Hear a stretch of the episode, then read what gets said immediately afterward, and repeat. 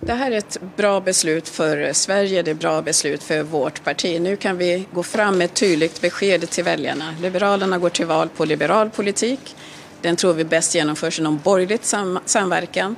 Och ska det vara möjligt så, så är vi beredda att prata med alla partier i riksdagen. Vi kommer inte längre bidra till att förlama den svenska politikens möjligheter att lösa samhällsproblem genom att fokusera på att isolera ytterkanter.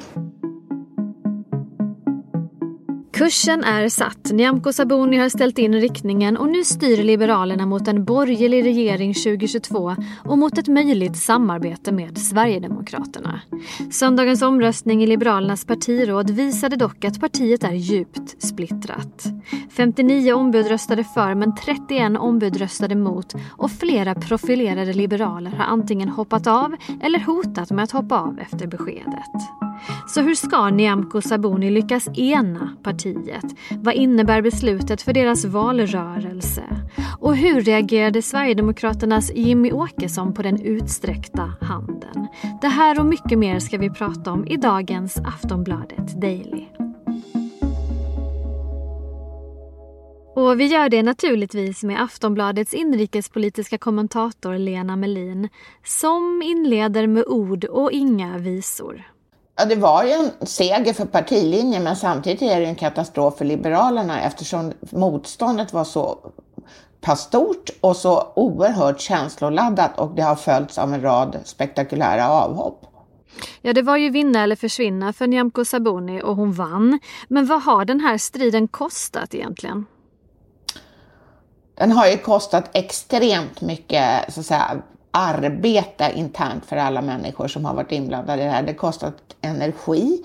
Eh, det har ju också inte och det har ju heller inte gjort någonting för att bilden eh, om eh, var Liberalerna egentligen står har klarnat det minsta, utan tvärtom är det nästan, är det ju mera oklart nu vad de vill än vad, hur det, såg ut tidigare.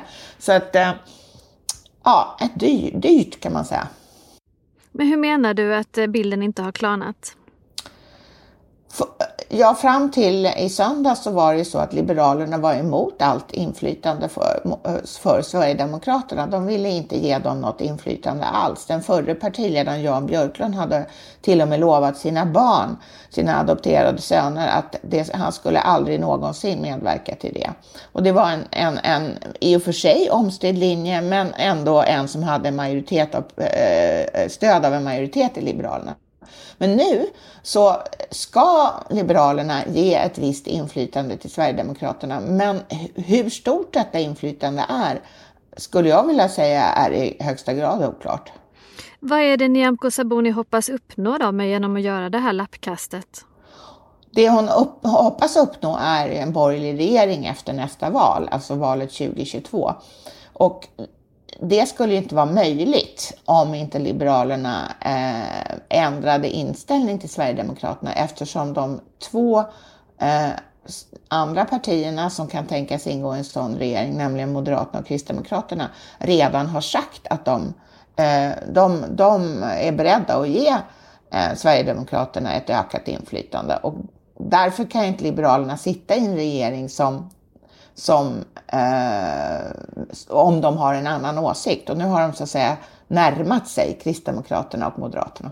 Och det innebär ju då som du sa att väldigt många är besvikna, en del har hoppat av. Eh, eh, kommer det finnas ett enat Liberalerna att rösta på valet 2022?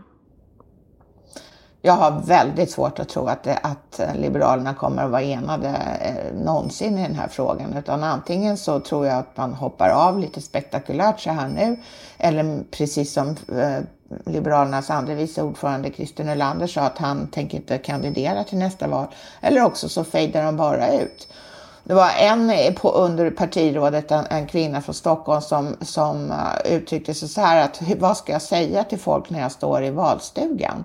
Jag kan inte säga att jag tycker att det är bra att Sverigedemokraterna ska ha inflytande. Och om det är väldigt många som tycker som hon så kommer de, förutom att, eh, att, att tappa toppnamn, så kommer de också ha svårt att, att trumma ihop folk framför allt i sitt viktigaste distrikt, nämligen i Stockholm, där det var ett benhårt motstånd mot det här beslutet som, som Liberalernas partiråd tog.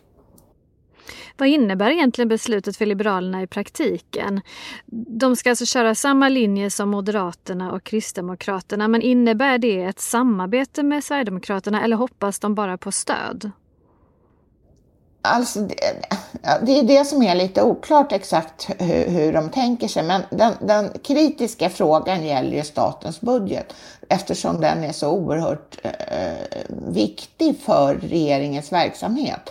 Och där har ju då Liberalerna sagt att, om, under förutsättning att jag har förstått dem rätt, eh, att de ska inte Eh, förhandla med Sverigedemokraterna innan budgetförslaget läggs på riksdagens bord, utan eh, förhandlingarna ska ske sen, framförallt i riksdagens finansutskott.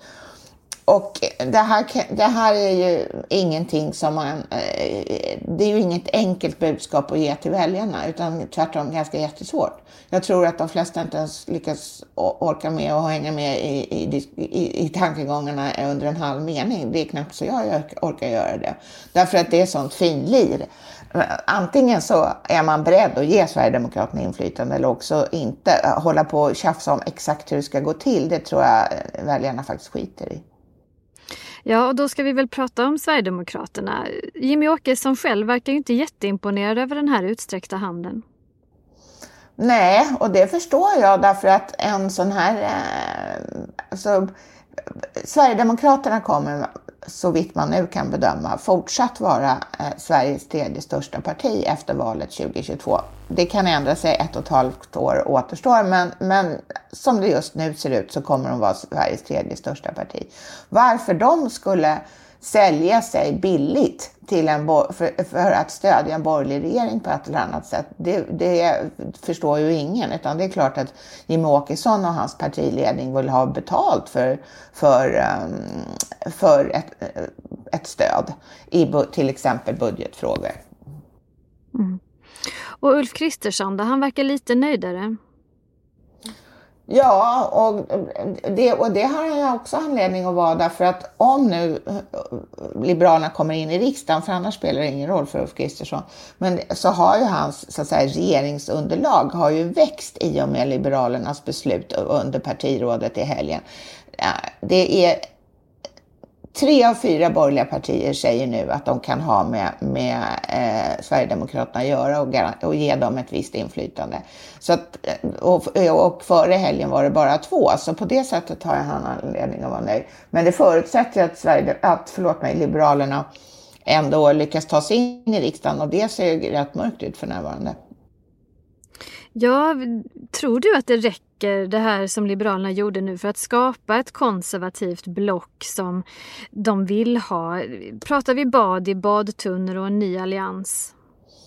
Nej, vi pratar inte en ny allians. Eh, dels tror jag faktiskt inte att de här partierna är eh, något av dem är beredda att gå tillbaka till den här ganska strikta organisationen som, som rådde under alliansens tid. Att det, liksom, det var alla för en och, och mm, tyck ingenting annat, gör inte någonting som, så, så, så det förefaller som om vi inte är ense i de stora frågorna. Det, det var ju en ganska svår belastning för de ingående partierna därför att de kände att de kanske lite kvävdes av det här. Så det är ett skäl till att vi inte har, kommer att få en ny allians. Och det andra är att um, för närvarande finns det ju ingen, ingenting som ty tyder på att den här typen av nära, att något parti överhuvudtaget vill ha en, det här väldigt nära samarbetet med Sverigedemokraterna. Centerpartiet då? De är ju lite grann utanför det här och kan tänka sig att eh, jobba med båda sidorna. Vad innebär det egentligen? Ja, så Annie Lööf sa ju då eh, som sagt för ett tag, för någon månad sedan knappt att, hon kunde, att Centern kunde ingå både i en M-ledd och en S-ledd regering. Men som det ser ut nu så tror jag absolut inte att, att de kan ingå i en M-ledd regering därför att den eh, skulle ju så att säga vila på på ett eh, stöd, sannolikt eh, inte bara passivt stöd från Sverigedemokraterna. Och det är ju Centern helt emot. Så att jag tror att det i praktiken det är alternativ som återstår för Centern om de vill ingå i en regering eller ingå i någon typ av regeringssamarbete. Det är ju en S-ledd regering. Nyamko Sabuni säger att nu ska vi prata om politik, nu ska vi se framåt. Vad är hennes möjligheter att eh, liksom byta ämne nu, att prata om sakfrågor, att eh, gå fram med sin politik så att väljarna förstår saker och ting?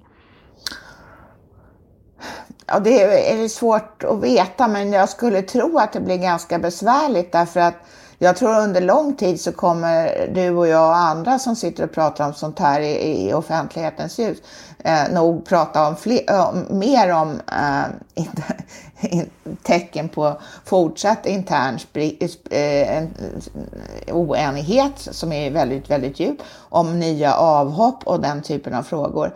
Det är ju inte heller så att det är så att hon har ju, Nyamko Sabuni har ju länge, länge försökt prata om andra saker, till exempel om kärnkraften och, eh, och sådana grejer. Men, och, och försökt fälla regeringen på en, en ganska perifer fråga inom den framtida migrationspolitiken. Och det var, ingen, det var inte så att eh, folk låg liksom eh, golvade av, av eh, den bomb som hon släppte vid något tillfälle, utan tvärtom, det var väl lite lätt gäspning över det hela.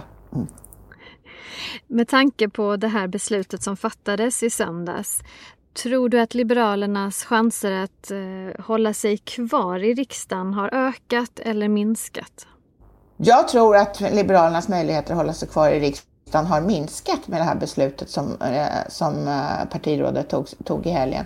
Av det skälet att det, varför ska man rösta på Liberalerna? Om man vill ha ökat inflytande för Sverigedemokraterna då finns det ju två bättre alternativ som har varit klarare under mycket längre tid och inte är djupsplittrade, nämligen Moderaterna och Kristdemokraterna. Är man däremot emot eh, eh, att Sverigedemokraterna får ökat inflytande, då faller ju Liberalerna bort direkt och då finns det ju liksom en hel palett på, på, på, um, som består av Centern, Miljöpartiet, eh, Socialdemokraterna och Vänsterpartiet att välja på. Vad betyder det att sådana framstående liberala politiker som Bengt Westerberg och Maria Leisner, eh, som båda tidigare har varit partiledare, att, att de ställer sig på andra sidan? Ja, det är ju absolut inte bra och framförallt inte den, eh, det som Maria Leisner sa eh, inför partirådet, att det handlar om partiets själ. Alltså att hon, hon, hon hon anser ju då uppenbarligen att det beslut som fattades det, eh, vid det här partirådet eh, går emot liksom liberalismens innersta själ och hjärta. Och det är klart att det är ju en förödande beskrivning av beslutet. Sist här hörde vi Lena Melin, Aftonbladets inrikespolitiska kommentator. Jag heter Olivia Svensson och du har lyssnat på Aftonbladet Daily. Glöm inte att prenumerera på podden så missar du inga avsnitt. Vi hörs igen snart. Hej då!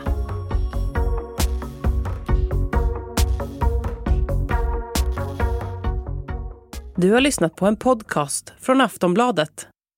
Ansvarig utgivare är Lena K Samuelsson.